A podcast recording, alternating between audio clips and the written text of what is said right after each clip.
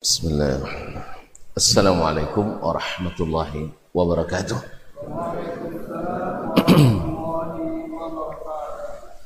إن الحمد لله نحمده ونستعينه ونستهديه ونستغفره ونتوب إليه. ونعوذ بالله من شرور أنفسنا وسيئات أعمالنا. من يهده الله فلا مضل له ومن يضلل فلا هادي له. أشهد أن لا إله إلا الله وحده لا شريك له وأشهد أن محمدا عبده ورسوله. لا نبي ولا رسول بعده. يا أيها الذين آمنوا اتقوا الله حق تقاته. ولا تموتن إلا وأنتم مسلمون. يا أيها الناس اتقوا ربكم الذي خلقكم من نفس واحدة وخلق منها زوجها وخلق منها زوجها وبث منهما رجالا كثيرا ونساء واتقوا الله الذي تساءلون به والأرحام إن الله كان عليكم رقيباً. يا أيها الذين آمنوا اتقوا الله وقولوا قولا سديدا يصلح لكم أعمالكم ويغفر لكم ذنوبكم ومن يطع الله ورسوله فقد فاز فوزا عظيما أما بعد فإن أصدق الحديث كتاب الله وخير الحدي حدي محمد صلى الله عليه وسلم وشر الأمور محدثاتها وكل محدثة بدعة وكل بدعة ضلالة Ma'asyur muslimin wal muslimat Bapak dan ibu-ibu Saudara-saudara dan saudara-saudari Jemaah Masjid Riyadul Jannah Taman-taman surga Semoga semuanya masuk surga. Ataupun yang mendengarkan menyaksikan melalui media di mana pun berada. Alhamdulillah di pagi ini kita diberikan rahmat Allah Subhanahu wa taala. Diguyuri hujan yang sedikit membuat keraguan ngaji pendak ya. akhirnya saya datang aja Ustaz kalau tidak ngaji pergi sholat.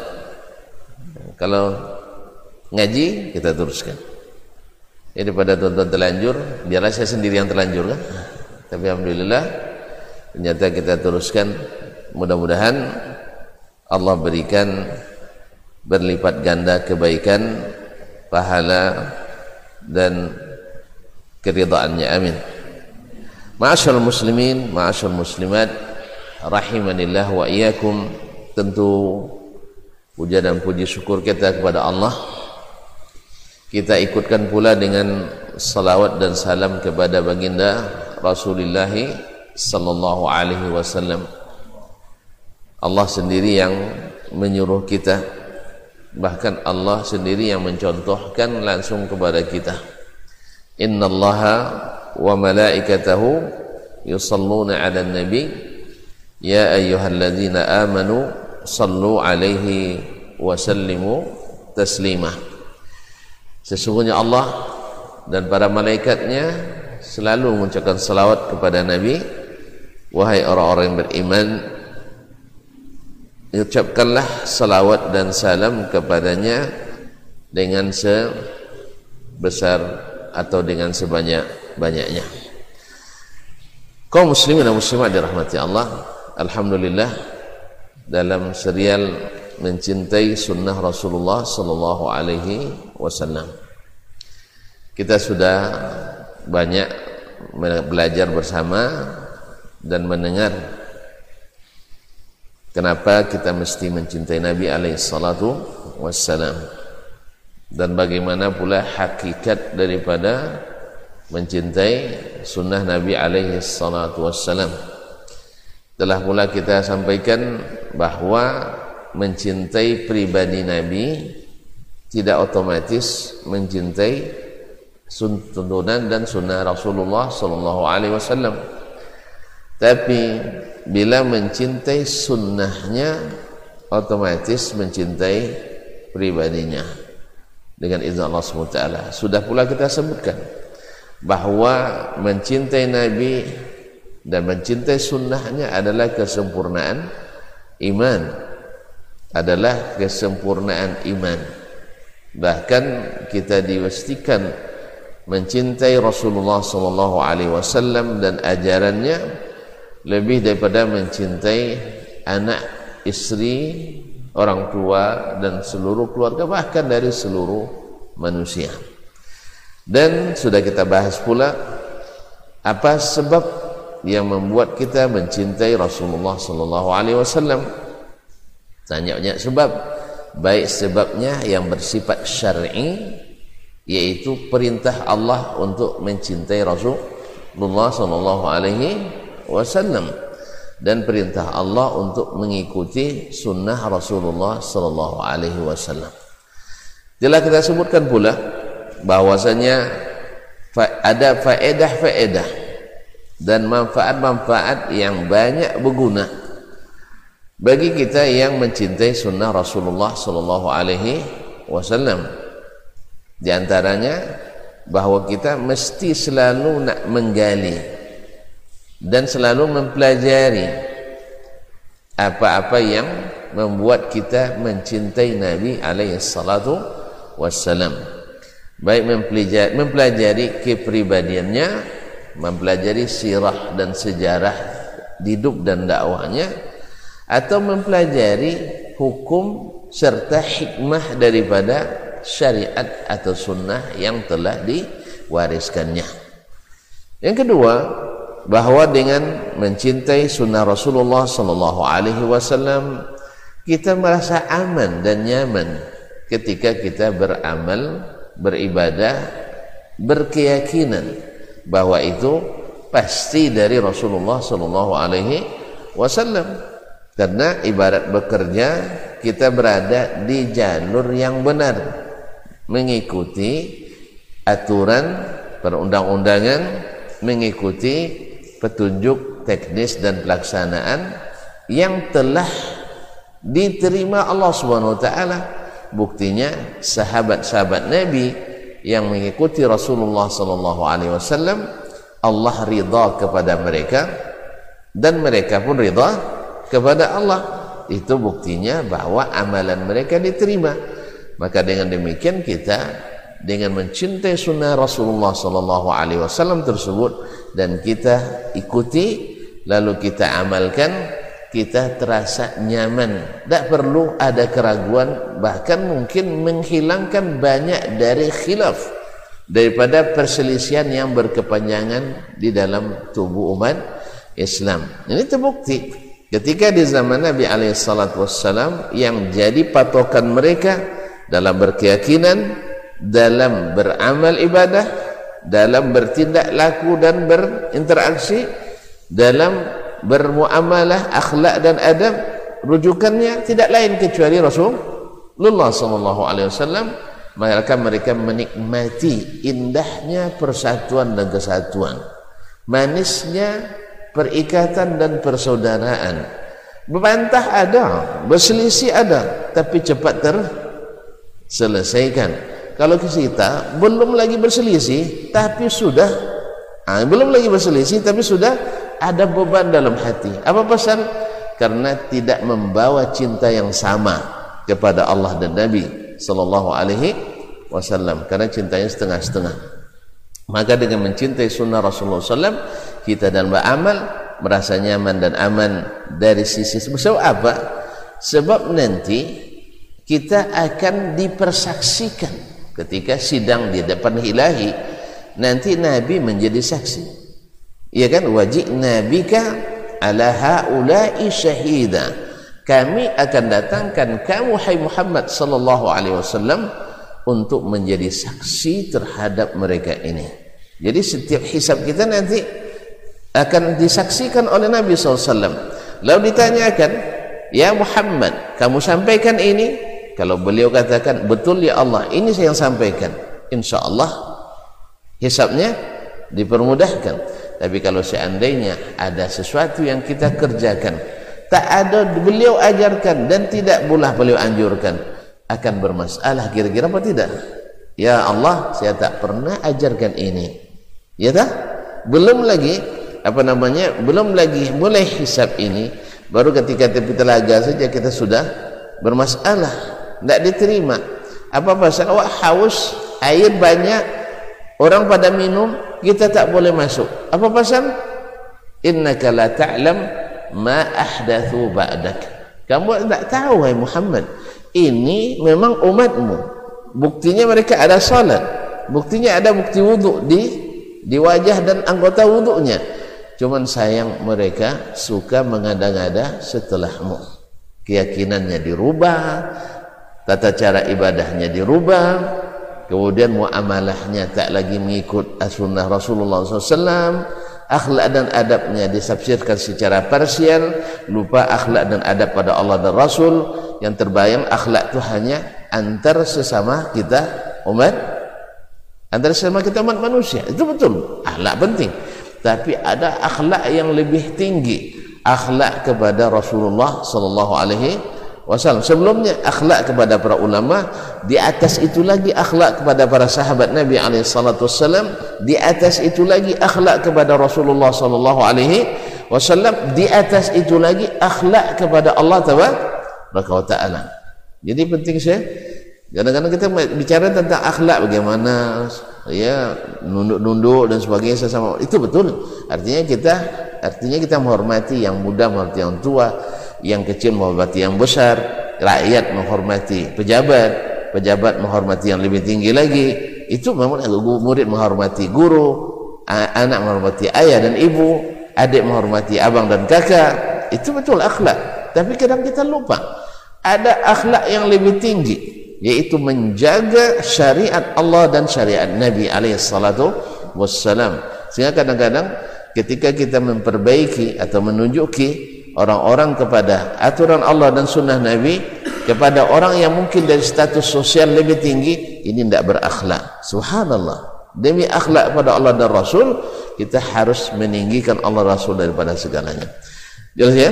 Jadi kita sudah ini sudah dipelajari ini sekedar evaluasi nih ya. Evaluasi dan mengingatkan kembali bagaimana bahwasanya mencintai sunnah Rasulullah SAW menenangkan dan menenteramkan. Yang ketiga dengan mencintai sunnah Rasulullah SAW dan ini bila sudah rata di kalangan dan di hati umat Islam maka kita akan sangat mudah dipertemukan dan dipersatukan. Sebab Nabi ketika menyebut akan terjadi perselisihan di antara umat apa solusi yang dia berikan? Alaikum bisunnati wa sunnatil khulafa'ir rasyidin al-mahdiyyin min ba'di. Tamassaku biha addu alaiha bin nawajis. Wa'ah, nanti kamu yang hidup setelahku akan melihat perselisihan yang banyak. Perselisihan itu lahir karena keluar dari dari sunnah Rasulullah SAW mulai berselisih. Jalur utama. Maksud saya keluar dari jalur utama. Jalur utama itu apa? Perkataan Nabi perbuatan Nabi dan persetujuan Nabi. Ini kan jalur utama nih ini kan jalur utama. Bila ditemukan dalam perkataan Nabi dalam perbuatan Nabi dan dalam persetujuan amal sahabat yang disetujui oleh Nabi Alaihissalam. Nah, bila keluar dari yang tiga ini terjadi ijtihad-ijtihad, bila jauh keluar dari jalur utama akan terjadi khilaf yang berterusan. Maka di saat itu Nabi katakan alaikum bisunnati. Kalau kalian nak menghilangkan atau meringankan atau meminimalisir khilaf ini caranya tidak ada yang lain kecuali kecuali pegang teguh kembali ke sunnahku dan sunnah para khulafa ar-rasyidin. Jadi ilman wa amalan ilman wa amalan wa tadbiqan secara ilmu kemudian amalnya dan prakteknya ini kadang banyak yang kata oh saya tahu itu dia bilang belum nenekmu lahir saya dah tahu itu katanya. Betul juga ya. Kalau nenek kita lahir dia dah tahu nih. Bukan belum kita lahir. Nenek kita belum lahir dia bilang dah tahu. cuman dia tak mengikuti ilmu tak akan pernah bermanfaat kalau tidak diikuti antum tahu sunnah Nabi tak diikuti bermanfaat Hah? saya tahu sunnah Rasulullah SAW bahawa solat berjamaah terus oh tahu saya tapi antum tak solat berjamaah ada guna ada gunanya tak ada kan Antum tahu bahawa bersedekah setiap pagi itu sangat bermanfaat. Oh, saya dah tahu tu sejak sejak di? Sejak pesantren saya sudah hafal itu. Cuma tak pernah tak pernah melakukannya. Jelas ya? Tahu antum bahawa akhlak kepada orang tua bagus, tapi kasar-kasar orang tua. Tak bukan tahu, tahu tak guna dah.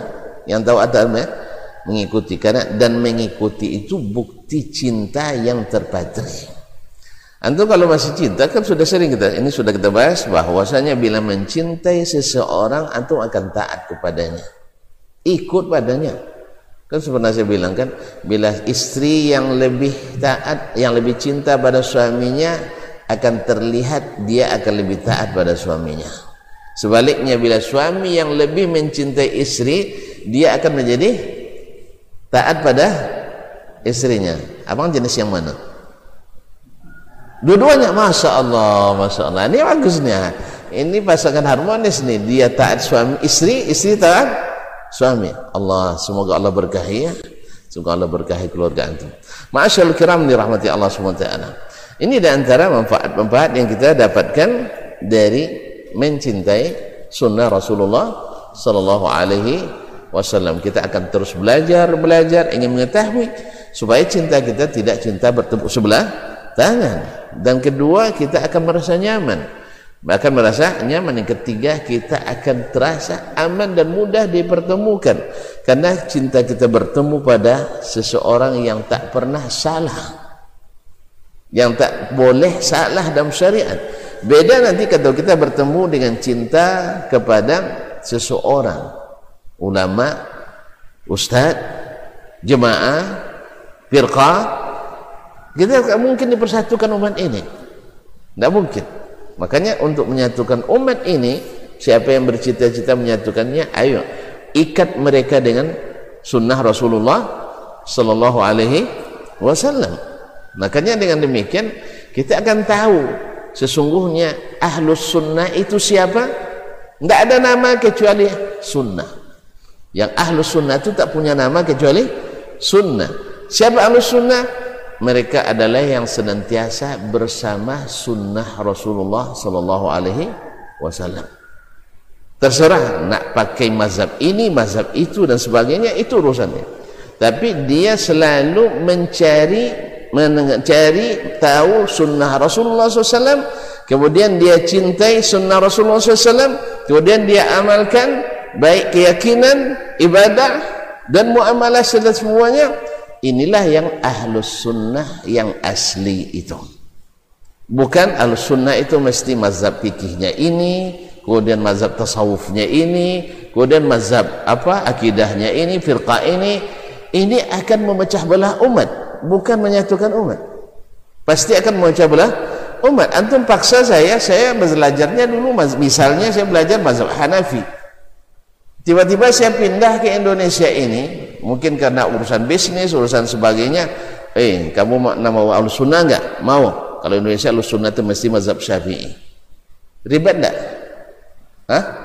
oh ternyata orang Indonesia itu Islamnya Nusantara rupanya Islam Nusantara. Ini versi-versi baru nih Islam Nusantara versi baru.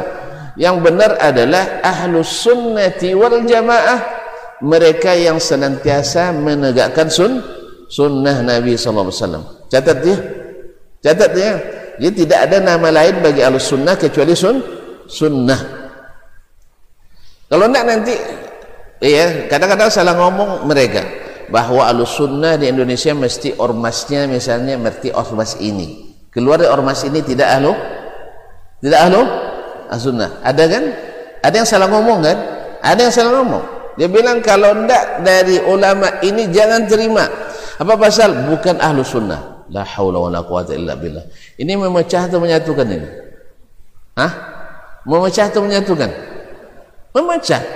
Akhirnya nanti pas pergi pula ke Arab Saudi kita misalnya ya ahlus sunnah di Arab Saudi pikihnya mesti hambali. Ah rasain tuh. Jadi siapa yang masuk batas teritorial Arab Saudi otomatis pindah ke mazhab? Mazhab ham hambali. Kalau tidak dapat cap paham tak? kalau tidak dapat cap bukan ahlu rela tak antum orang Indonesia pas masuk Arab Saudi Arab Saudi kan mazhabnya hambali kan bagi haji atau umrah Hah? Sebab habis itu nanti dikasih cap. Anta mazhabnya apa? Oh, kami Indonesia Syafi'i. Berarti selama di sini Anda mesti Hambali. Sebab mazhab Hambali, mazhab Ahlu Sunnah di Arab Saudi mesti lalu dicap nanti bukan Ahlu Sunnah. Marah enggak? Minimal sedih antum. Minimal sedih antum. Akhirnya akan terbis dalam hati antum. Ternyata umat Islam itu tidak satu ya ternyata ada Islam Islam lokal ada Islam interlokal akhirnya ini semakin merusak merusak yang seperti ini makanya alus sunnah itu tak punya nama kecuali kecuali as sunnah nak di Arab dia nak di Ajam dia. Paham saya? Alus sunnah itu namanya hanya ahlu as sunnah tak pakai embel-embel. Tidak mesti ahli sunnah as'ariyah ahli sunnah maturidiyah. Nanti di sana sunnah hambaliyah ini ahli sunnah zahiriyah. Sampai ke Maroko ahli sunnah malikiyah. Mungkin tidak menyatukan umat dengan ini? Hah? mungkin. Dia akan lebih menegakkan malikiyahnya daripada nabawiyahnya nanti dia akan lebih menegakkan sufi junaidiyahnya daripada muhammadiyahnya Muhammad sallallahu alaihi wasallam. Akhirnya umat ini tanpa disengaja atau disengaja tertipu dengan slogan-slogan yang merusak yang merusak ini. Jelas? Bayang saya kalau sempat pula la Allah kalau sempat semoga tidak diteror seperti itu. Pecah Indonesia ini misalnya. Ada kerajaan Sumatera ada kerajaan Kalimantan ada kerajaan Irian Jaya kerajaan Sulawesi dan seterusnya Jawa dan sebagainya. Misalnya lalu masing-masing kerajaan ini memiliki mazhab tertentu. Misalnya Sumatera jadi mazhab Maliki. Sah? Jawa jadi mazhab? Hah? Zahiri misalnya dan seterusnya. Tambah pucah kita umat Islam. Jadi hati-hati kaum muslimin dan muslimat. Di sinilah pentingnya seperti yang saya katakan berulang-ulang bahwa mencintai sunnah Rasulullah sallallahu alaihi wasallam pasti mencintai Rasulullah sallallahu alaihi wasallam. Sebalik mencintai Rasulullah SAW eh, mencintai pribadi Nabi belum tentu mencintai sunnah Nabi Sallallahu Alaihi Wasallam. Sehingga kita terkotak-kotakkan oleh tariqah-tariqah terkotak-kotakkan oleh firqah-firqah terkotakkan oleh jamaah-jamaah terkotakkan oleh komunitas-komunitas terkotakkan oleh mazhab-mazhab padahal Rasulullah Sallallahu Alaihi Wasallam telah menjadikan kita ummah wahidah. Umat yang satu. Wa inna ummatakum ummat wa inna ummatakum ummat wahidah. Umat ini hanya satu umat. Mazhabnya itu tidak menjadi patokan. Jadi ahlu sunnah yang senantiasa bersama sunnah Nabi sallallahu alaihi wasallam kalau dia di Indonesia nak pakai mazhab syafi'i tak pasal. Tapi bukan cantolannya syafi'i tidak ahlu sunnah itu. Kalau misalnya dia nak pakai ah misalnya zahiri tak ada masalah. Tapi dalam akidah mesti mereka sama. Seperti akidahnya as-salafus salih yang diajarkan langsung oleh baginda Rasulullah sallallahu alaihi wasallam. Maka slogan-slogan seperti ini adalah slogan-slogan yang merusak bahwa al-sunnah di Amerika mesti mazhab fikihnya Hanafi misalnya mesti tasawufnya Tijaniyah. Akhirnya nanti antara Tijani dengan yang ini tidak bisa bersaudara. Apa pasal? Anda bukan ahlu? Bukan ahlu? Ahlu sunnah. Ini berbahaya propaganda seperti ini kaum muslimin. Ini sebenarnya menunjukkan kurang pedenya dengan menegakkan sunnah Rasulullah sallallahu alaihi wasallam kurang percaya diri dengan hanya memegang sunnah Nabi sallallahu alaihi wasallam. Karena kita tahu kalau disebut sunnah Nabi otomatis nanti yang lain-lain itu harus berguguran. Karena kita mesti menjadikan patokan cinta kita kepada Rasulullah sallallahu alaihi wasallam. Kita ukur ini sunnah mazhab ini. Sunnah apa tidak? Di dalam masalah ini. Ternyata tidak oh ya berarti kita tidak ada masalah. Kita tinggalkan masalah ini karena merujuk kepada Allah dan Nabi sallallahu alaihi wasallam. Ada masalah? Ada masalah? Kita tinggalkan perda misalnya karena bertentangan dengan undang-undang. Ada masalah? Hah? ada masalah? Itu ibaratnya. Kita tinggalkan perbuk peraturan bupati atau per walqot wali kota misalnya. Karena mengikut peraturan daerah. Masalah? Salah tidak ah, begitulah kita berdengar. Begitulah dalam agama ini juga. Kita tinggalkan Imam Ash-Syafi'i karena mengikut Nabi SAW ada masalah? Hah? tapi kalau kita tinggalkan Nabi gara-gara ikut Syafi'i bermasalah? Masalah. Jelas ini orang ingin mengikat kita dengan Imam Syafi'i saja. Nanti di sana kita diikat dengan Imam Abu Hanifah saja. Pergi ke Jazirah Arab kita diikat dengan Imam Ahmad bin Hanbal saja. Pergi ke daerah-daerah barat Islam, Maroko, Jazir, uh, Aljazair, Libya dan sebagainya diikat dengan Imam Malik saja. Mungkin tak antara Syafi'i, Ahmad, Malik sepakat semuanya? Mungkin sepakat semuanya? Tidak tapi kalau mengikut Nabi mungkin tidak sepakat. Alhamdulillah. Oleh sebab itu kaum muslimin dan muslimat dirahmati Allah ahlu sunnah itu adalah yang diikat dengan as-sunnah an-nabawiyah. Bukan diikat dengan firqah-firqah aliran-aliran mazhab-mazhab. Jelas tak? seulang balik ya. Kalau nak menyatukan negara kesatuan Republik Indonesia ini ha? Apakah dengan mempertahankan mempertahankan peraturan-peraturan daerah ini yang bertentangan dengan undang-undang dasar? Paham? Kan kita negara ada undang-undang dasar. Lalu dibuat perda tapi bertentangan dengan undang-undang dasar. Menyatukan tidak Nah, bila, bila terjadi perselisihan antara kita maka rujukannya adalah peraturan daerah masing-masing. Gitu Hah? Kembali ke undang-undang yang lebih yang lebih tinggi. Jelas ya?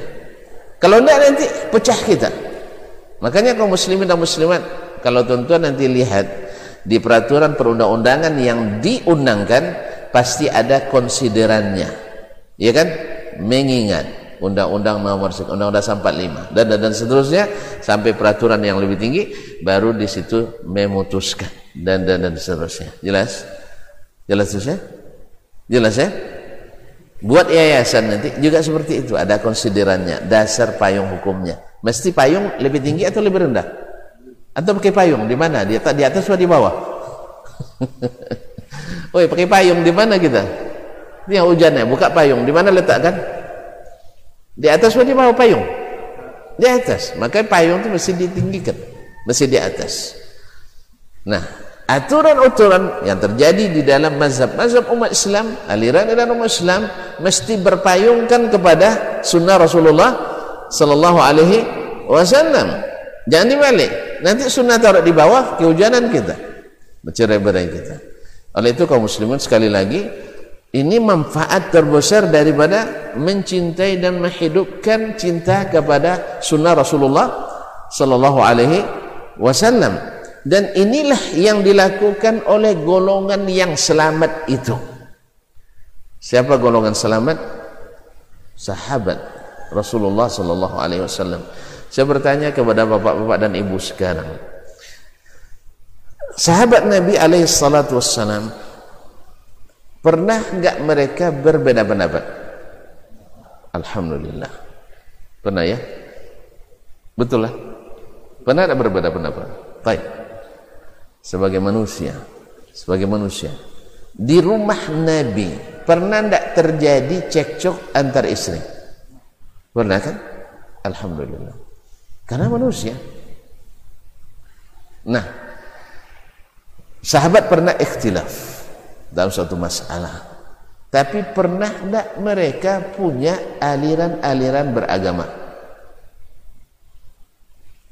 Saya ulang ada aliran Abu Bakriyah aluran Umariyah Hah? misalnya ini etiqad ke, apa namanya akidahnya Imam Utsman bin Affan Al-Utsmaniyah ada? ada enggak? enggak ada tahu enggak bapak dan ibu apa rahasianya? apa rahasianya? Hah? Semua merujuk ke Rasulullah sallallahu alaihi wasallam. Semuanya merujuk ke Rasulullah SAW. Datang eh, dalam suatu musafir Umar dengan Ammar, nama mirip ya, Umar dan Ammar. Umar bin Khattab, Ammar bin Yasir radhiyallahu taala an anhuma. Baik. Mana yang lebih alim Umar atau Ammar? Hmm? Umar. Iya. Mana lebih mulia Ammar atau Umar? Umar radhiyallahu taala. Ada yang ragu? Enggak ya? Alhamdulillah. Mana yang lebih duluan Islam? Ammar apa Umar? Khilafiyah ya. Ammar lebih duluan masuk Islam. Tapi Allah berikan keutamaan ke Umar dia saja yang datang kemudian lebih hebat dari yang datang duluan. Betul ya? Atau misalnya mana yang duluan masuk Islam? Umar bin Khattab dari Abu Hurairah. Nah, mulai ragu dia. Saya bilang lah Abu Hurairah Islamnya di Madinah. Umar Islam di Makkah. Mana yang dulu masuk Islam Umar alhamdulillah paham ya Baik. Abu Hurairah Islam setelah Khaybar. Khaybar tahun kelima Hijriah. Tapi mana yang banyak riwayat hadisnya? Ha? Loh kok bisa? Padahal Umar lebih banyak bersama Nabi. Kan itu ya? Lebih hebat dari Abu Hurairah bertingkat-tingkat. Tapi kok bisa Abu Hurairah lebih banyak apalannya Nggak usah payah-payah lah. Ada punya anak. Punya anak anak itu. Yang hafiz. Belum ada. Nah, yang punya anak yang hafil Quran 30 juz. Tapi bapaknya enggak hafiz. Ada enggak? Ada ya? Ada enggak? Anaknya hafiz umur 9 tahun. Ayahnya ya anaknya hafiz 30 juz. Umurnya baru 9 tahun. Ayahnya habis juz 30 umurnya sudah 60 tahun. Ada nggak? ada. Mana yang lebih duluan ngaji? Ayah atau anaknya? mana yang lebih duluan belajar Quran? Ayah apa anaknya? ayahnya. Kecuali ayahnya baru masuk Islam itu urusan lain. Tapi pada umumnya ayahnya lebih duluan masuk eh, belajar Al Al-Quran. Itu biasa itu. Jelas? Baik. Sekarang kembali ke masalah kita tadi antara sahabat dan sahabat ada perselisihan pendapat betul? Betul? Tetapi kenapa mereka tidak mengasaskan tariqah jalan khusus? Atau firqah golongan khusus? Atau mazhab? Mazhab kenapa? Kenapa? Karena rujukannya satu. Siapa Rasulullah sallallahu alaihi wasallam. Makanya ketika dalam perjalanan Ammar dan Umar sama-sama mimpi. Tapi bukan mimpi sembarangan, mimpi naik pesawat. Itu pernah mimpi naik pesawat? Tidak paham ya? Istilah kami di pondok dulu itu namanya mimpi naik pesawat. Tidak paham ya? Pahamnya Alhamdulillah. yang mewajibkan mandi. Dah paham? Alhamdulillah. Belum juga paham ya, bahaya lagi. mimpi susah juga mempraktekannya. Kau muslimin dan muslimat, mimpi yang mewajibkan keduanya mandi. Mereka musafir. Diutus oleh Nabi dalam satu apa misi. Sama-sama mimpi. Tidak ada air. Lalu tentu karena tidak ada air Umar berijtihad menunda sholat. Ammar berijtihad. Dia pakai logika. Pakai logika. Kalau mandi wajib mesti membasuh atau menyiram seluruh tubuh seluruh tubuh. Kan wudhu kan tidak seluruh tubuh kan? Hadas kecil cukup wudhu hadas besar dengan mandi. Kalau wudhu kan basuh muka tangan ya usap kepala basuh kaki. Maka tayamum dari wudhu kan menurut yang dia tahu adalah cukup anggota wudhu kalau mandi mesti seluruh anggota badan akhirnya yatamarrag fit turab dia lumuri badannya dengan tanah bayang itu berkubang di Hah? ya dia lumuri seluruh tubuhnya dengan dengan tanah ini ijtihad beliau belum dapat ilmu dari Nabi alaihissalatu wassalam. Umar lain enggak. Umar dia tunda salat sampai ketemu Rasulullah sallallahu alaihi wasallam. Nah, apakah kedua-duanya diterima oleh Rasulullah wasallam? Nah, enggak. Lalu Nabi jelaskan itu salah makanya ijtihad yang menurut kita baik dan benar mesti diukur dengan sunnah Rasulullah SAW karena tidak semua yang benar menurut sahabat diterima oleh Rasulullah Sallallahu Alaihi Wasallam maka keedah asal baik asal baik diterima Allah itu keedah tidak benar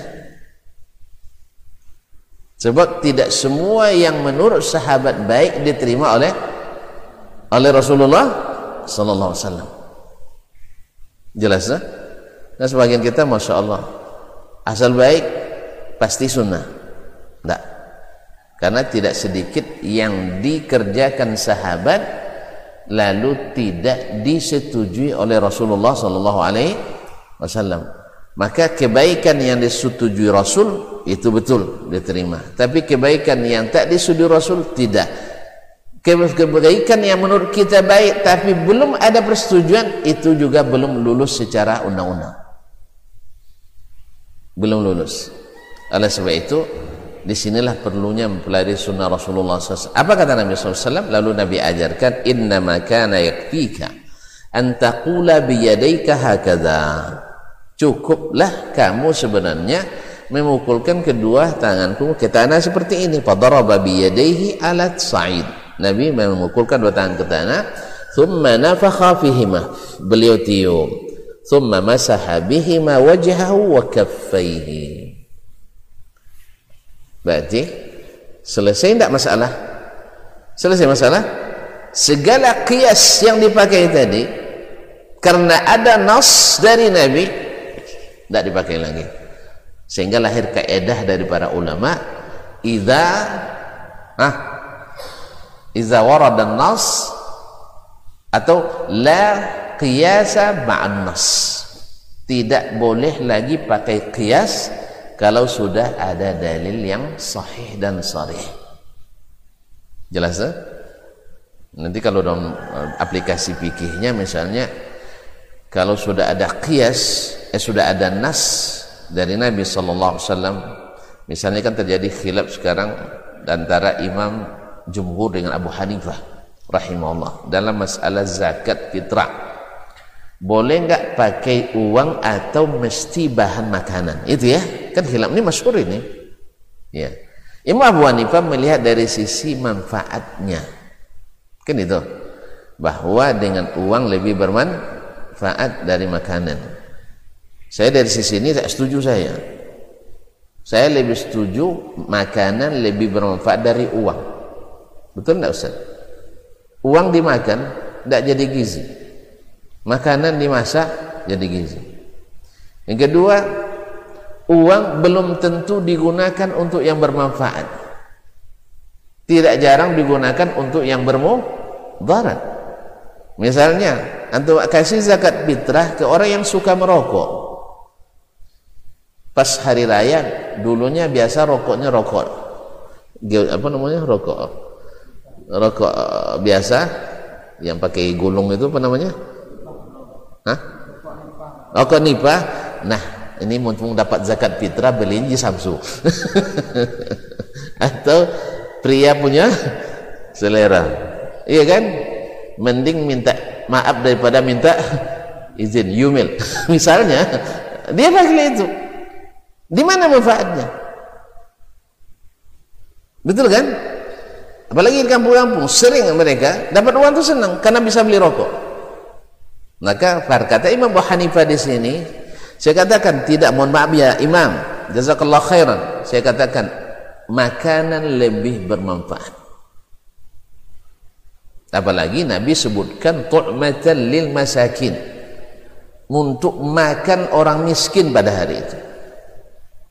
Untuk makan. Andainya tidak habis hari itu Nabi juga tidak masalahkan. Simpan kapan pun tidak ada masalah. Yang penting hari itu jangan sampai ada yang mengemis. Dan mengemis yang dihalalkan dalam Islam dalam syariat mengemis orang yang tidak ada yang mau dimakan. Atau hutang yang menenggelamkan. Itu baru boleh ngemis. Tapi kalau ngemis untuk bayar untuk ngambil KPR itu tidak boleh ngemis terus ya apalagi untuk bikin beli Alphard. Ada pengemis Masya Allah jadi orang kaya kaya raya dia. Rumahnya 3 miliar. Mobilnya ah, ini rencana baru mobilnya Innova baru? Apa yang terbaru namanya? Tidak tahu. Ribuan? Ayolah oke okay lah saya tidak paham juga. Pencurer ah, pencurer ya misalnya. Tapi dia sekarang nak nyemis untuk naikkan mobil jadi Alphard. Karena kan rumah 3 miliar kan tidak pas Innova lagi. Hanya ngemis dia pak. Ngemisnya jauh di luar daerah. Seperti orang bertugas luar daerah. Rupanya penghasilan sehari omsetnya rata-rata 15 sampai 20 juta sehari. Pandai berarti profesional ngemisnya ya, pengemis profesional. Kaum muslimin. Jadi untuk makan orang orang pada hari itu tidak boleh ngemis. Nah, kalau seandainya dia sudah ada makanan lengkap, jangan terima zakat fitrah lagi. Berikan pada yang ini. Jelas kaum muslimin Tapi dari sisi ini. Nah, Imam Abu Hanifah pakai kias. Pakai kias. Atau melihat daripada manfaat dan ininya. Kita kata di sini sudah bisa diperdebatkan. Dapat tabal apalagi ada nas dari Nabi SAW tu'matan lil masakin. Menjadi barang untuk dimakan oleh orang mis, miskin supaya tak meminta-minta pada hari itu. Oleh sebab itu sebenarnya dalam bab ini tidak boleh ijtihad lagi. Karena sudah ada nas dari Nabi sallallahu alaihi wasallam. Lajtihada ma'an nas. Oleh sebab itu Umar radhiyallahu anhu dan Ammar walaupun belakang terjadi khilaf lagi di antara mereka Umar lupa dia kejadian itu. Subhanallah. Bisa tak orang lupa dengan apa yang dia alami? Bisa. Bisa lupa. Tapi Ammar tidak lupa. Dia ingatkan ya Umar. Umar sudah jadi khalifah waktu itu. Umar sudah jadi khalifah Lalu Umar katakan, kamu tolong jangan diceritakan hadis ini lagi. Kalau itu perintah engkau sebagai khalifah yang wajib saya taati, saya lakukan. Saya tidak akan ceritakan lagi. Tetapi kalau ini bertentangan perintah Nabi menyampaikan ilmu, makanya akhirnya Umar radhiyallahu taala anhu mengizinkan dia menyampaikan hadis itu lagi. Umar lupa dia sama sekali. Intinya Nabi tidak izinkan ijtihad Ammar yaitu bergelimang tanah. Enggak walaupun menurut Ammar itu benar waktu itu. Dan juga tidak izinkan ke Umar untuk melambatkan solat lagi. Apalagi sampai keluar waktunya. Cukup dengan tayam tayamum. Akhirnya inilah yang dilakukan oleh sahabat radhiyallahu taala anhum ajmain. Di masa Umar juga jadi khalifah bahkan di masa Ali dan seterusnya ketika diingatkan dengan dalil-dalil mereka ini cepat kembali kepada dalil tadi. Itulah sebabnya sahabat tidak punya aliran-aliran keagamaan. Tidak punya aliran-aliran keagamaan. Apa sebab? Mereka mengikat dirinya dengan sunnah Rasulullah sallallahu alaihi wasallam itulah sebabnya kata Imam Ahmad bin Hanbal mengatakan laisa li ahli sunnati ismun yu'rafuna bihi illa sunnah Ahlus sunnah itu tak punya nama yang dengannya mereka dikenal kecuali as-sunnah. Jelas? Jelas? Kalau sudah punya nama lain berarti tidak murni tidak murni sunnah. Kalau disebut ahlus sunnah ad-dasmaniyah berarti sunnah yang sudah terkontaminasi oleh paham das dasman. Jelas? as-sunnah al-usamiyah misalnya itu sunnah yang sudah terkontaminasi oleh paham de Usama mana tahu ada pengikut sama bin Laden pula di sini kan atau as-sunnah as-satariyah misalnya. Berarti sudah terpengaruh oleh pemahaman syekh. Misalnya ada satariyah tidak ada Alhamdulillah. Atau as-sunnah al-hashimiyah. Berarti sudah terkontaminasi oleh pemahaman al-syekh al-hashim dan seterusnya. Jelas? jelas jadi ahlus sunnah laisa lahum ismun wa wasfun yu'rafuna bih illa sunnah. Ahlus sunnah yang benar tidak punya embel-embel. Sebagaimana Islam yang benar tidak punya embel-embel. Kalau ada embel-embelnya Islam liberal pasti rusak. Islam Nusantara pasti rusak. Islam apa lagi Islam murni pasti tidak murni jelas Islam jamaah pasti bermasalah dengan jamaahnya apa lagi Islam koplo Mana tahu nanti banyak Islam-Islamnya. Pasti tidak murni. Yang Allah ridai wa raditu lakumul Islam dina. Asyik? Nah, jadi kalau sudah pakai sunnah ini sunnah itu, ini berarti sudah mulai menyimpang dari sunnah Nabi alaihi salatu wassalam. Oleh itu hati-hati kita kaum muslimin dan muslimat karena yang seperti ini justru memecah belah umat bukan menyatukan umat maka satukanlah seperti kata Imam Malik rahimahullah la yusliha akhir hadhil ummah illa ma saluha bi awwaluha akhir umat ini takkan salih takkan baik sampai mereka membaikkan dengan apa yang dulu mereka baik umat pertama mereka baik dengan Al-Quran dan Sunnah maka ikat mereka dengan Al-Quran dan Sunnah inilah faedah terpenting kaji kita pagi ini bahwa ahlus sunnah adalah yang mengikat diri dengan sun sunnah Nabi sallallahu alaihi wasallam. Soal nama antum nak masuk Muhammadiyah misalnya, tidak ada masalah. Antum nak di ormasnya di NU tak ada masalah. Atau ormasnya di ini dan itu tidak ada masalah. Tapi ahlus sunnah bukan diikat dengan itu. Justru itu harus diikat dengan sun sunnah. Oh saya ikut organisasi ini karena selalu mengunjung, menjunjung tinggi sunnah Nabi SAW. Mantap. Jelas? Jelas? Itu hanya sekedar antum di yayasan ini, yayasan ini, masjid ini, masjid itu. Walaupun walaupun lebih bagusnya kita dihimpun saja dengan Al-Quran dan Sunnah. Cuman kita hidup di zaman organisasi-organisasi organisasi, yayasan-yayasan sebagai legalitas, maka jangan diikat dengan asabiyah tadi. Jangan diikat dengan fanatisme golongan dan dengan partai dan sebagainya. Tapi ikutilah bukan asabiyah, tapi istiqamah di atas sunnah Nabi sallallahu alaihi wasallam dan ini perlu pelajaran mencintai sunnah Rasulullah sallallahu alaihi wasallam secara benar. Saya kira ada paham. Kita selesai sampai di sini aja. Ya karena sudah jelas. Nah, maka dengan demikian untuk hari ini kita sebenarnya hanya ngulang kaji ini. Ngulang kaji. Masya Allah. Ada pertanyaan saya? Berarti belum jelas. Betul Berarti ada pertanyaan rupanya, Masya Allah. Jazakallah khair. Assalamualaikum Ustaz. Waalaikumsalam warahmatullahi wabarakatuh. Minta penjelasan dan dalil yang menerangkan terkait hal-hal yang boleh dilakukan oleh ahli waris pasca seseorang meninggal dunia. Saya butuh referensi yang kuat tentang hal ini karena saya melihat karena saya melihat adanya berbagai cara yang dilakukan oleh masyarakat yang ada di negeri. Terima kasih. Pada umumnya yang dilakukan oleh masyarakat pada umumnya ia disolatkan empat kali takbir, kemudian dimandikan dengan cara tertentu, kemudian didoakan dengan bacaan yang datang dari Nabi Sallallahu Alaihi Wasallam.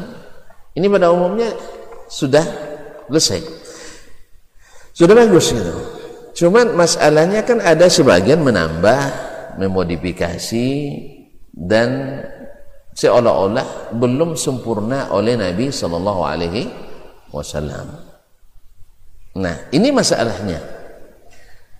Ada sebagian yang keluar dari jalur utah, dari jalur utah utama. Padahal di zaman Nabi itu tidak ada orang mati ya. Banyak. Banyak ada orang mati zaman Nabi? Banyak ya. Nabi sudah pernah ikut enggak menyelenggarakan jenazah? Enggak pernah. Pernah ya. Mulai dari mengunjungi orang sakitnya ada Nabi. Taib. Kemudian memberikan takziah ketika orang meninggal ada Nabi. Ada Nabi. Takziah ada enggak Nabi? Artinya ada orang meninggal dia datang ke rumah meninggal. Ada kan? Baik. Kemudian mendoakan orang yang meninggal ada Nabi. Nabi mendoakan orang meninggal. Ada dia doakan? Alhamdulillah. Kemudian Nabi alaihissalatu memandikan jenazah pernah? Alhamdulillah pernah. Mengajarkan orang mandi jenazah pernah? Ada juga. Betul ya? Kemudian Nabi menguburkan pernah? Alhamdulillah. Nabi memberikan tausiah. Kepada orang-orang yang bertakziah ada? Ada. Dan dan seterusnya. Nah dalam hal ini yang dilakukan Nabi sudah sempurna atau masih kurang? Masih kurang? Saya ulang lagi.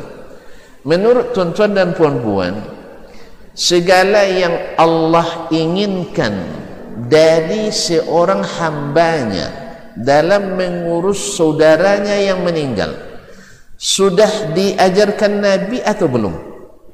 Sudah ya? Yang mana tahu ada yang bilang belum Nabi bebaskan kita buat masing-masing aja lah menurut keyakinan masing-masing ya tak? Sudah atau belum? Sudah jelas semuanya? Ada dalilnya? Oh, biar mulai bingung kalau minta dalil ya. Ustaz aja kena bingung kalau udah minta dalil orang. Baik.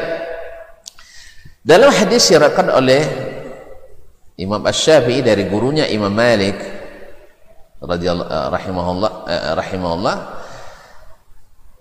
bahwasanya uh, apa namanya bahwa Nabi alaihi salatu wassalam mengatakan ma taraktu syai'an mimma amarakumullahu bihi illa waqad amartukum bih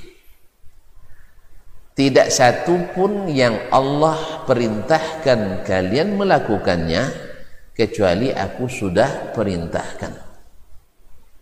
Wa ma taraktu syai'an mimma nahakumullahu anhu illa waqad nahakum nahaitukum anhu tidak satu pun yang Allah larang kalian melakukannya kecuali aku sudah larang kamu melakukannya. Berarti tidak ada satu perintah Allah yang diinginkan oleh kita dalam masalah jenazah kecuali Nabi sudah sudah jelaskan. Sudah jelaskan. Oleh sebab itu dan tidak satu pun yang dilarang oleh Allah kita melakukannya kecuali Nabi juga sudah jelaskan. Kalau demikian kita tinggal merujuk bagaimana Nabi dan para sahabatnya mengurus jenazah. Sepakat nih? Sepakat? Iya, karena sudah sempurna. Sudah sempurna.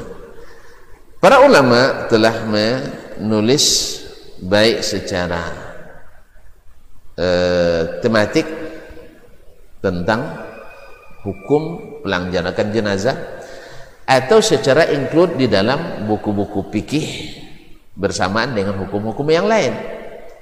Tapi pada umumnya baik kitab fikih maupun kitab hadis atau kitab khusus tentang penyalahan jenazah menyebutkan pasti ada di dalamnya kitabul janaiz. Kitab tentang masalah yang berkaitan dengan jenazah mulai daripada hak waris mewarisi wasiat mewasiati utang piutang yang ditinggalkan biaya penyelenggaraan kemudian apa namanya uh, iya soal iddah istri yang ditinggal pembagian warisan siapa yang dapat siapa yang tidak dan seterusnya itu sudah ada semuanya. Alhamdulillah. Jelas? Kemudian Nah, ini masalah lain. Di antara riwayat itu, di antara riwayat ada datang dari jalan yang tidak sahih misalnya. Tentu yang tidak sahih itu ibarat antum bawa cek yang tidak sah. Cek yang tidak sah bisa mencairkan uang? Tidak. Hadis yang tidak sahih boleh diamalkan? Ya enggak. Ini kan sudah selesai masalah sebenarnya. Nah, bila terjadi khilaf di antara ulama, sebabnya banyak. Di antara sebabnya bisa saja hadis atau dalil yang dipakai tidak sahih. Atau dalilnya sahih tapi pengambilan dalil tidak sahih. Jelas ya? Ada dalilnya sahih tapi pengambilan dalil tidak sahih perlu contoh perlu contoh nah oke okay. Tapi jangan tersinggung lah. Ini kan konsumsi ilmu itu begitu dia tidak boleh tersinggung. Jangan baperan. Oh ternyata Ustaz nyalain saya rupanya. Bukan saya tidak bertujuan menyalahkan jantung saya hanya bikin contoh bahwa dalil sahih tapi istidlalnya tidak sahih. Ketika ada sebagian atau mungkin semakin besar kaum muslimin di, di negeri kita ini ingin melegalkan acara kendurian tiga hari sepekan 15 hari 40 hari 100 hari 1000 hari apa lagi 25 tahun 50 tahun 100 tahun 1000 tahun dan seterusnya baik ada yang berdalil dengan dalil-dalil sahih. Mantap. Sekarang dia katakan, orang pergi meninggal hari ini, apa yang dilakukan? Pasti baca Quran. Betul? Pasti baca tahlil. Tujuannya adalah menggembirakan keluarga yang menghibur keluarga yang ditinggal menjalin silaturahim sah menjalin silatur rahim kemudian makan boleh ya boleh pasti ditanya nanti baca Quran sunnah apa tidak membaca Quran sunnah apa tidak sunnah kan dalil umum nih menghibur keluarga yang ditinggal sunnah apa tidak sunnah bersodakoh atas nama orang sudah meninggal boleh apa tidak boleh Betul kan? Menjalin silaturahim disuruh apa dilarang? Disuruh. Ini dalil sahih semua. Dalil sahih semua. Tapi menjadikannya dalil untuk acara kenduri salah besar. Di mana antum tahu salahnya? Di mana antum tahu salahnya? Bilang aja nggak tahu. Kalau nggak tahu, biar saya kasih tahu. Bagi yang tidak berilmu tidak tahu itu salah. Oh iya ya perangah dia. Nabi suruh kita baca Quran, betul kan? Siapa man qara'a harfan min kitabillah kutiba lahu hasanah. Siapa yang baca satu huruf Al-Qur'an dituliskan satu kebaikan. So kebaikan sama dengan sepuluh kebaikan. Lipat gandakan. Sekarang antum melarang orang baca Yasin di sana. Menyalahi sunnah antum melarang orang baca Yasin, baca Quran. Kemudian menyambung silaturahim kewajiban yang sangat wajib karena tak masuk surga orang yang memutus silaturahim dalilnya tidak usah. Banyak sejibun dalilnya. Betul? taib makan di rumah orang. Boleh mana? bukan boleh lagi. Dianjurkan. Sampai-sampai menjadi pintu besar untuk masuk surga suka kasih makan. Kan begitu? iya dah kalau antum nak masuk surga dengan selamat salat malam. Tebarkan salam kemudian kasih makan oh, orang. Hah? sahih semuanya. Lalu di mana datangnya? Ini tidak boleh. Hmm, ayo. Kata bahasa ya tetap pangan tuh jadinya. Di mana datang tak boleh? Dengan ilmu yang sahih. Kita balikkan pertanyaannya yang mengatakan bahwa menjalin silaturahim itu wajib siapa? Nabi pernah enggak Nabi menjadikan acara kenduri tiga hari ini sebagai alat untuk silaturahim? Alhamdulillah tidak. Tidak ada pertanyaan lagi. Berarti Nabi tidak paham ya? Tidak paham bahwa ini penting acaranya. Kalau Nabi tidak paham, antum lebih hebat dari Nabi Sallallahu Alaihi Wasallam. Oh Nabi paham. Cuma Nabi sibuk. Kan perang terus saya nak tanya ke antum, Nabi berperang berapa lama, berapa kali? Nabi ikut berperang berapa kali? 18 kali. Baik, 18 kali. Ada enggak Nabi tidak perang? Hari-hari Nabi lebih banyak perang atau tidak perang? Banyak perang? Ya Allah ya Rabbi. Ayo kita berhitung hari. Nabi di Madinah berapa lama? Ayo cepat. Nabi di Madinah berapa lama? Hah? 10 tahun. 10 tahun berapa hari?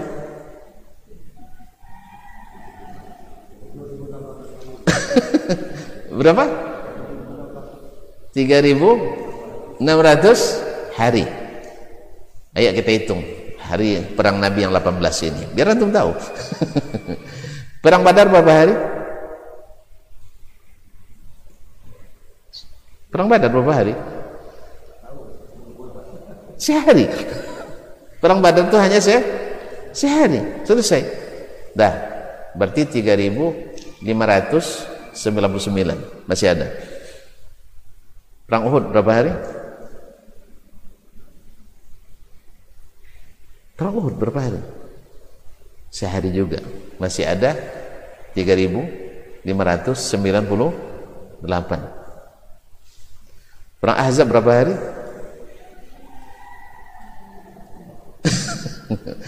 Oke oke lah, dah dah tahu tentu dah bahasa Indonesia gitu ya. Berarti lebih banyak harinya tidak perang atau perang? Alhamdulillah. Karena ada hari-hari persiapannya Ustaz. Lah kita ambil persiapan 18 ambil sajalah persiapannya sebulan. Berarti 18 bulan. Kalau tadi 10 tahun berapa bulan? 120 bulan, kurang 18. Masih ada 102 bulan Nabi tidak perang. Oke? Okay? Berarti sibuk Nabi? Sibuk Nabi? Sibuk Nabi? sibuk perang enggak bahkan Nabi sering tidur lepas isya langsung sunnah Nabi tidur langsung lepas isya kalau bisa tidur lepas isya langsung sibuk apa tidak Alhamdulillah dah jelas ya jadi alasannya alasan tak masuk. Baik fakta, data dan logika tak masuk. Jelas? Alhamdulillah. Buktinya boleh banak juga kan? Kaum muslimin dan muslimat. Alasan sibuk tidak ada? Oke okay, Nabi sibuk perang. Apakah semua sahabat ikut perang? Semua sahabat ikut perang Tidak tahu juga. Ah, ini belajar, perlu belajar sirah Nabi nampaknya. Tidak semua pergi. Ada yang harus menjaga Madinah. Karena Madinah ada orang Yahudi, ada orang munafikin di sana. Berarti tidak semua pergi. Makanya jawaban ini jawaban tidak masuk. Ma'asyarul kiram dirahmati Allah SWT. Karena alasan Nabi sibuk tidak. Oke, Nabi sibuk, tidak bisa melakukan tapi mesti tidak dia menyampaikan? Wajib tidak Nabi menyampaikan? Wajib. Ada nggak dia sampaikan bahwa setiap meninggal kalian mesti datang ke rumah orang ini hari pertama malam kedua malam ketiga? Ternyata nggak ada. Kalau nggak ada berarti antum dua pilihan. Nabi menyembunyikan atau Nabi tidak mensyariatkan Tentu pilih yang mana? Pilih minta menyembunyikan dosa kita, kufur kita. Karena menuduh, Nabi menyembunyikan il, salah. Karena menyembunyikan satu salah sama tidak menyampaikan suruh salah. Berarti dengan demikian, keedah bahwa Nabi yang menyuruh kita melakukan ini batil. Walaupun dalilnya tadi sahih, pengambilan dalilnya tidak tidak sahih. Yang menyuruh kita baca Quran kan Nabi. Tapi siapa yang apakah Nabi pernah nyuruh baca Quran di rumah orang yang meninggal? Ayo. Ada nggak Nabi mensyariatkan baca Al-Quran tiga hari berturut-turut di rumah orang yang meninggal? Nggak ada juga. Sama jawaban yang tadi. Nabi sibuk? Nggak juga.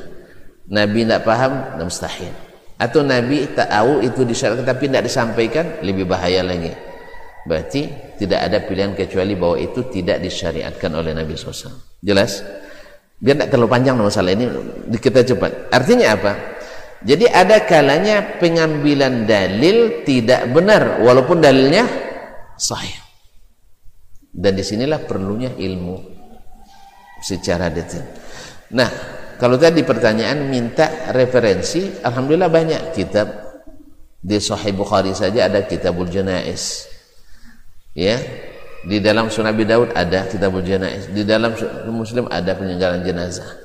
Tapi kita kan suka yang biasanya sistematis katanya. Gitu ya. Saya katakan, Nabi itu yang paling sistematis. Nabi yang paling sistematis. Ikuti aja ketika meninggal Nabi gimana dia lakukan? Dia membaca inna lillahi ma'ata wa inna lillahi ma'akhas innal quluba la tahzan wa innal uyuna la tatma' wa la naqulu illa ma yarda rabbuna. Inna lillahi wa inna ilaihi raji'un. Allah yang memiliki apa yang dia berikan dia memiliki apa yang dia ambil. Segala sesuatu ditakdirkan sampai ajal tertentu. Hati boleh sedih mata boleh berlinang menangis tapi kita tidak ucapkan kecuali yang Allah ridai apa yang Allah ridai allazina iza asabatuhum musibatun qalu inna lillahi wa inna ilaihi rajiun. Dalam bab ini Nabi tak larang bersedih. Bahkan Nabi sendiri tak larang menangis. Bahkan Nabi sendiri menangis ketika anaknya meninggal Sampai-sampai ada yang bilang, "Ya Rasulullah, tabki wa anta Rasulullah." Mak, Nabi menangis juga. Sebab mengira kalau nangis tidak sabar. Bukan. Hazi rahmah kata Nabi, ini kasih sayang. Ini kasih sayang. Terus apa lagi?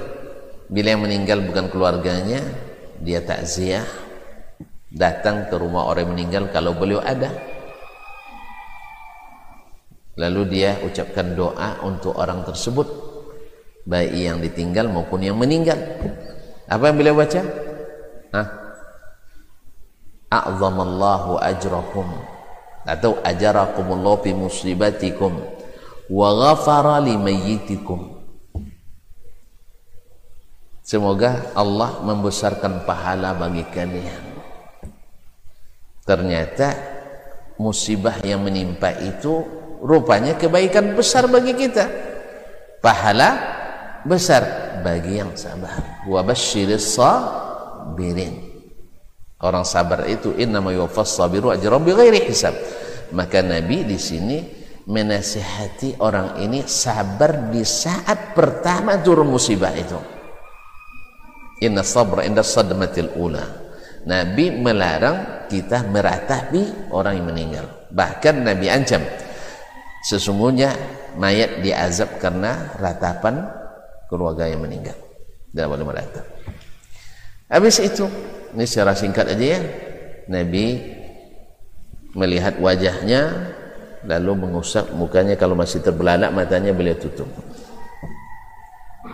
Jelas? Kemudian diajarkan oleh Nabi SAW memandikan jenazah. Memandikannya dengan cara yang sunnah Nabi SAW yaitu dengan pertama membersihkan tempat-tempat yang ada kotorannya. Kalau masih ada tersisa dalam perut lalu lambungnya dia apa namanya dia angkat bagian ininya kemudian diurut perutnya supaya keluar. Disucikan tempat-tempat itu dulu. Disucikan hidungnya mulutnya seperti orang yang akan mandi wajib bersihkan tempat-tempat yang kotor-kotor tadi kemudian beliau wudukkan dia nah, kita kan siaran terbalik biasanya ya wuduknya kapan kita Wuduknya kapan kita? Setelah mandi. Sah? Yang sunnahnya sebelum mandi. Termasuk mandi wajib kita. Kita wuduk sebelum mandi. Soal batal lagi pas mandi itu urusan lain. Kan sebagian kan pas sedang mandi nak buang air lagi dia misalnya. Atau sedang mandi mungkin buang angin itu urusan lain. Wuduk lagi nanti. Tapi kalau sunnahnya dia berwuduk sebelum mandi demikian juga jenazah makanya dibersihkan hal-hal tempat-tempat yang tadi membatalkan wuduknya tadi sebelum dia dimandikan baik dubur maupun kuburnya dibersihkan dengan menggunakan air menggunakan sabun dan yang mewangikan seperti kapur barus ya dah nah setelah itu beliau apa membawa ke tempat dikafaninya. Kemudian disyaratkan lagi dalam memandikan ini harus orang yang amanah, tak membuka rahasia. Kemudian mesti orang-orang kalau terbaik orang yang terdekat. Dan tak boleh laki-laki memandikan perempuan, perempuan tak boleh memandikan laki-laki kecuali suami istri. Terjadi khilaf antara ulama ini kan karena di luar jalur utama ini ya. boleh enggak anak kecil yang belum balik dimandikan oleh perempuan ibunya ada yang boleh kan ada yang tidak tetapi boleh enggak anak memandikan ibunya yang anak sudah balik ibunya dia boleh mandikan? Tidak boleh. Sekali mak sendiri. Tidak boleh mandikan. Sebaliknya juga uh, uh, mak memandikan anaknya laki-laki juga tidak boleh. Jadi ini aturan dari Nabi alaihissalatu wassalam. Tapi suami memandikan istri boleh? Boleh. Istri memandikan suami boleh? Boleh. Walaupun ada juga khilaf tapi daif dalam masalah ini khilafnya karena menurut sebagian memberikan alasan kan dia dan tidak mahram lagi dengan mati kan tidak mahram lagi kata siapa yang bilang tidak mahram yang benar tetap mahram buktinya Aisyah radhiyallahu taala anha ketika Nabi wafat dia tidur di mana? Hah? Tidak tahu ya. Di kamarnya. Nabi kan dikuburkan di kamar tempat Aisyah tidur. Karena para nabi itu dikuburkan di tempat dia mening meninggal. Meninggal Abu Bakar. Meninggal Abu Bakar dikuburkan di samping Nabi, betul kan? Ayah Aisyah. Di saat itu Aisyah masih seperti biasa. Ya, orang perempuan di kamarnya kan dia buka hijabnya kan? Dibuka hijabnya.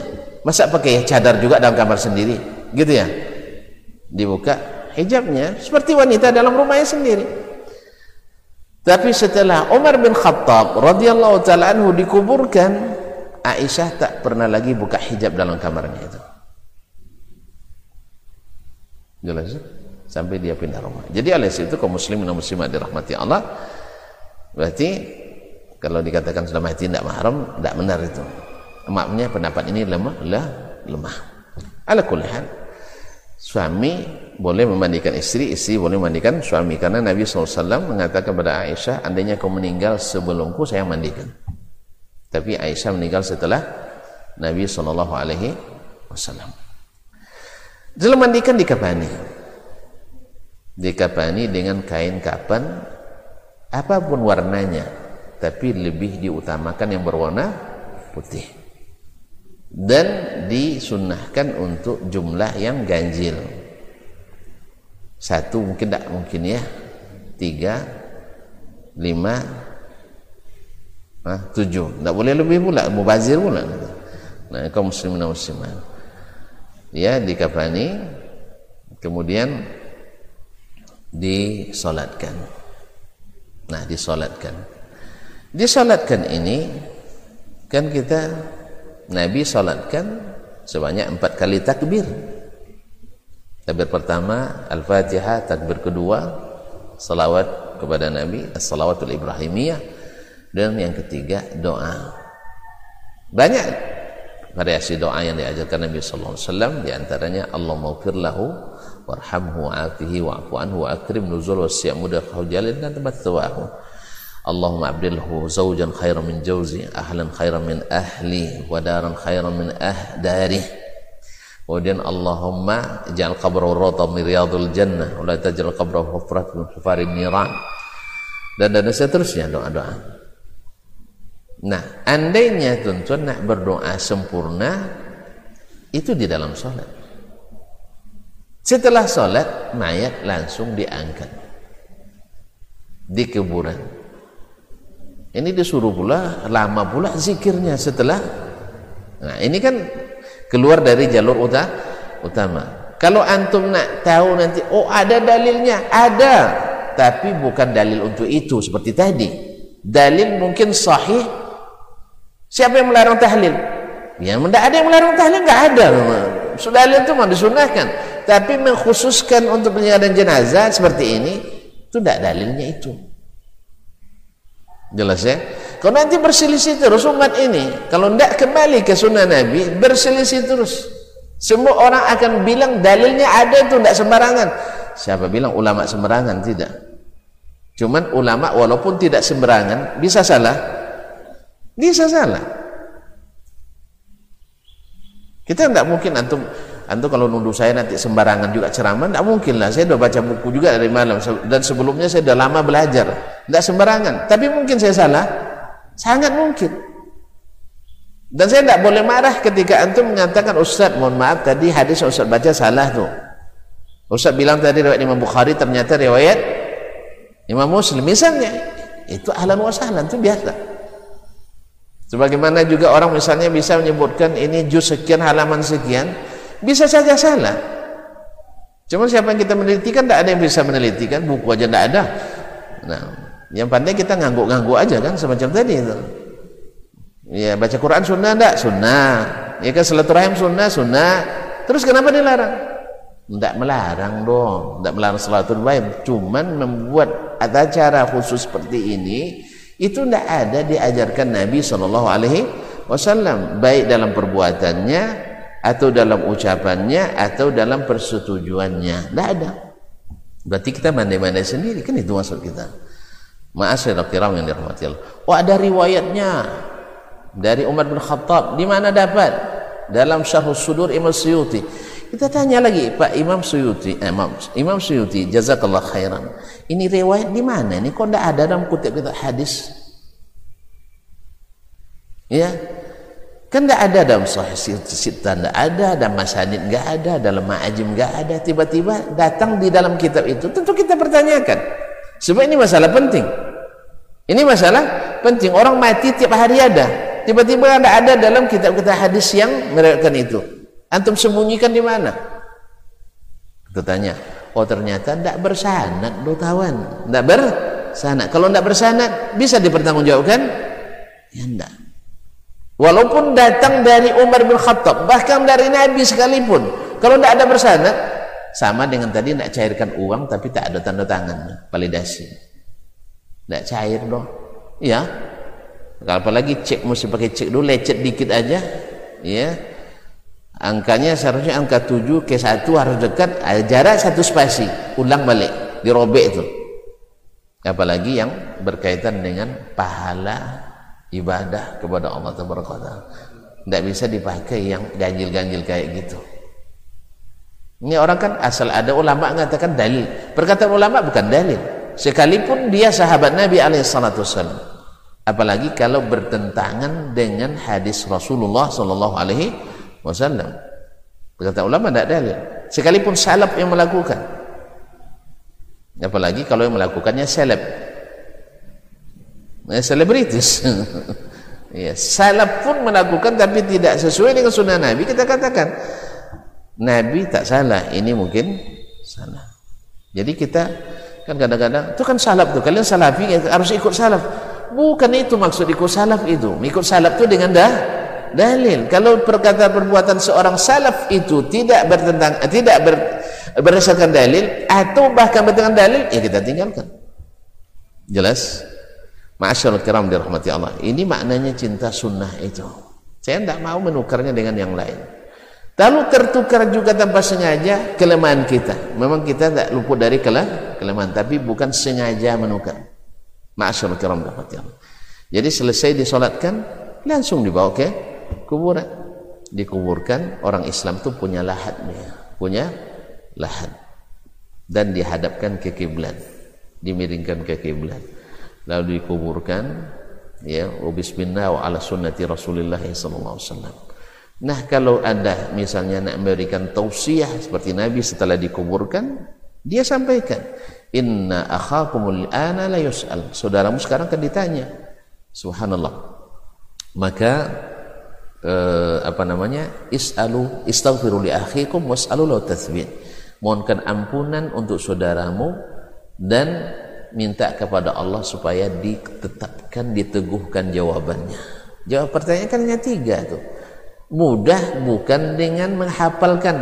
Setiap hari lenggok-lenggok ngapal itu tidak. Tapi adalah dengan mengamalkan. Karena yang menjawab itu amalan kita. Siapa Robmu buktikan dengan amal Rob saya hanya Allah. Siapa nabimu buktikan bahwa kita betul-betul meyakini nabi sebagai nabi tidak mengganti dia dengan yang lain. Kemudian apa agamamu? Islam. Sudahkah antum menjalankan Islam atau tidak? Kalau dihafal nanti jadi lupa tuh. Gimana? Ndak malaikatnya serem yang datang bukan yang datangnya serem. Kecuali mereka yang sudah saleh amalnya. Oleh itu kaum muslimin dan muslimat Nabi memohonkan uh, apa meminta pada orang-orang untuk mendoakan dan tidak pula diriwayatkan. Wallahu taala alam.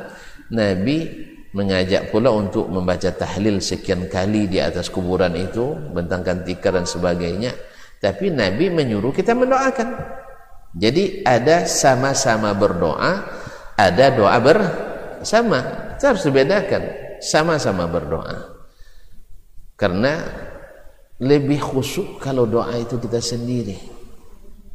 Itu sudah pasti itu sendiri berdoa lebih khusyuk daripada orang yang baca kita tidak tahu. Ya apalagi kalau doanya tidak sesuai dengan keinginan nanti. Ini mana tahu kan? Imamnya Allahumma zawwijni saniyatan. Ya Allah beri saya istri yang kedua. Nah, istrinya paham bahasa Arab. Abang doa apa tadi katanya? Tidak diaminkannya. Allah musta'an jadi itulah kaum muslimin dan muslimat ini di antaranya untuk referensi kalau sebagai seorang tulabul ilmi baca kita kata hadis dan fikih. Lalu dikomparasikan antara pendapat para ulama itu. Yang berdalil dikuatkan. Yang tak berdalil ya kita tinggalkan. Kalau sama-sama kuat dalilnya rasanya kita lebih tentram dengan imam ini kita ikuti nah bagaimana yang berbeda pendapat dengan kita? Ya seperti tadi. Kalau kita yakin yang ini benar ini salah kita munakasah diskusi. Kalau tidak ya tidak kalah sampai berkelahi kita gara-gara itu. Alhamdulillah kita tidak pernah berkelahi nah. ya sering orang Masya Allah selesai sholat jenazah lebih panjang do, apa, doanya daripada doa setelah sholat fardu kadang. Iya saya berdiri aja. Tidak mungkin saya cegah waktu itu tapi dalam kajian saya sampaikan Saya mencegah orang tuh jangan berdoa panjang nih capek jenazah nunggu kan. Eh capek jenazah nunggu kapan lagi mau diantarkan ini? Lebih panjang setelah sholatnya. Sholat sebentar sekali. Macam kilat sholatnya tapi doa setelah sholat pan panjang. Padahal mana yang lebih abol? Mesti nak nanya ke tuan-tuan. Mana yang lebih afdol? Doa dalam sholat itu atau di luar? Dalam. Karena do, sholat jenazah kan dikhususkan. Untuk mendoakan jenazah itu. Tentu yang dikhususkan lebih hebat daripada yang tidak dikhususkan nih waktu khusus menerima proposal antum. Besok bisa diterima atau tidak? Antum kejar yang khusus atau yang yang tidak khusus? Kejar yang khusus. Karena yang khusus ini pasti. Yaitu belum pasti masih spekulasi. Ini tidak dibalik di tempat yang dikhususkan dia malas-malas. Setelah itu dia rajin luar biasa. Nah di sinilah perlunya mencintai sunnah Rasulullah Sallallahu Alaihi Wasallam. Alhamdulillah kalau ada yang melakukan kita berdiri aja sabar menunggu kok insya Allah tidak pula kita ambil mikrofon sudah tidak tidak kan tidak dakwah tidak gitu dakwah kan? Tapi ketika ada yang bertanya seperti kita jelaskan. Kita jelaskan jangan karena memang sunnahnya jenazah itu lebih cepat lebih afdal. Lebih cepat lebih afdal bukan lebih lambat. Ini dah Masya Allah sambutan Bapak Camat sambutan Bapak Kades Bapak Kadus Bapak Kadis. Ha? sampai tiga jam belum juga diangkat-angkat. Untuk apa sambutan banyak-banyak kadang-kadang sempat pula untuk kampanye sebagian. Mengampanyekan program pembangunan desanya lagi. Nah, itu masing-masing ambil seperempat jam. Seperempat kali enam berapa jam Ustaz? iya satu jam setengah. Ah, belum lagi tuan rumah setengah jam pula. Akhirnya dua jam berdiri. Akhirnya banyak yang sudah melarikan diri. Pasalnya apa? Izin kantor sebentar. Akhirnya fadilat mengantarkan ke kuburan tak didapat padahal Nabi tak pernah nyuruh kita panjang-panjang ngurus jenazah itu. Sebab pahalanya bukan dengan panjangnya pahalanya dengan tepatnya. Gaji kita kan bukan diukur dengan panjang masa bekerja tapi dengan tepatnya kerja kita. Betul kan? Iya. Walaupun antum apa namanya masuk bekerja bekerja dari jam 7 sampai jam 9 malam tapi yang dikerjakan tidak sesuai dengan petunjuk SOP nya keluar gaji? Hah? keluar gaji? Ya enggak. Walaupun panjang-panjang tapi tidak disuruh tak ada SOP dan juklan justisnya ini amalan sia sia-sia. Oleh itu kaum muslimin muslimat di sini ini penting kita untuk senantiasa mencintai sunnah Nabi SAW kalau untuk referensi yang khusus-khusus misalnya ada ahkamul janais ini yang saya ketahui dan masih banyak yang lain. Ahkamul janais yang ditulis secara tematik seperti yang dalam sunnah yang sahih seperti yang ditulis oleh uh, Syekh Dr. Said bin Wahab Al-Qahtani. Dan juga ada Ahkamul Janais atau Kitabul Janais yang ditulis Syekh Muhammad Nasiruddin Al-Albani berdasarkan sunnah-sunnah Nabi alaihi salatu wassalam. Dan ada Ahkamul Janais dari Syekh Muhammad bin Shalih Al-Utsaimin.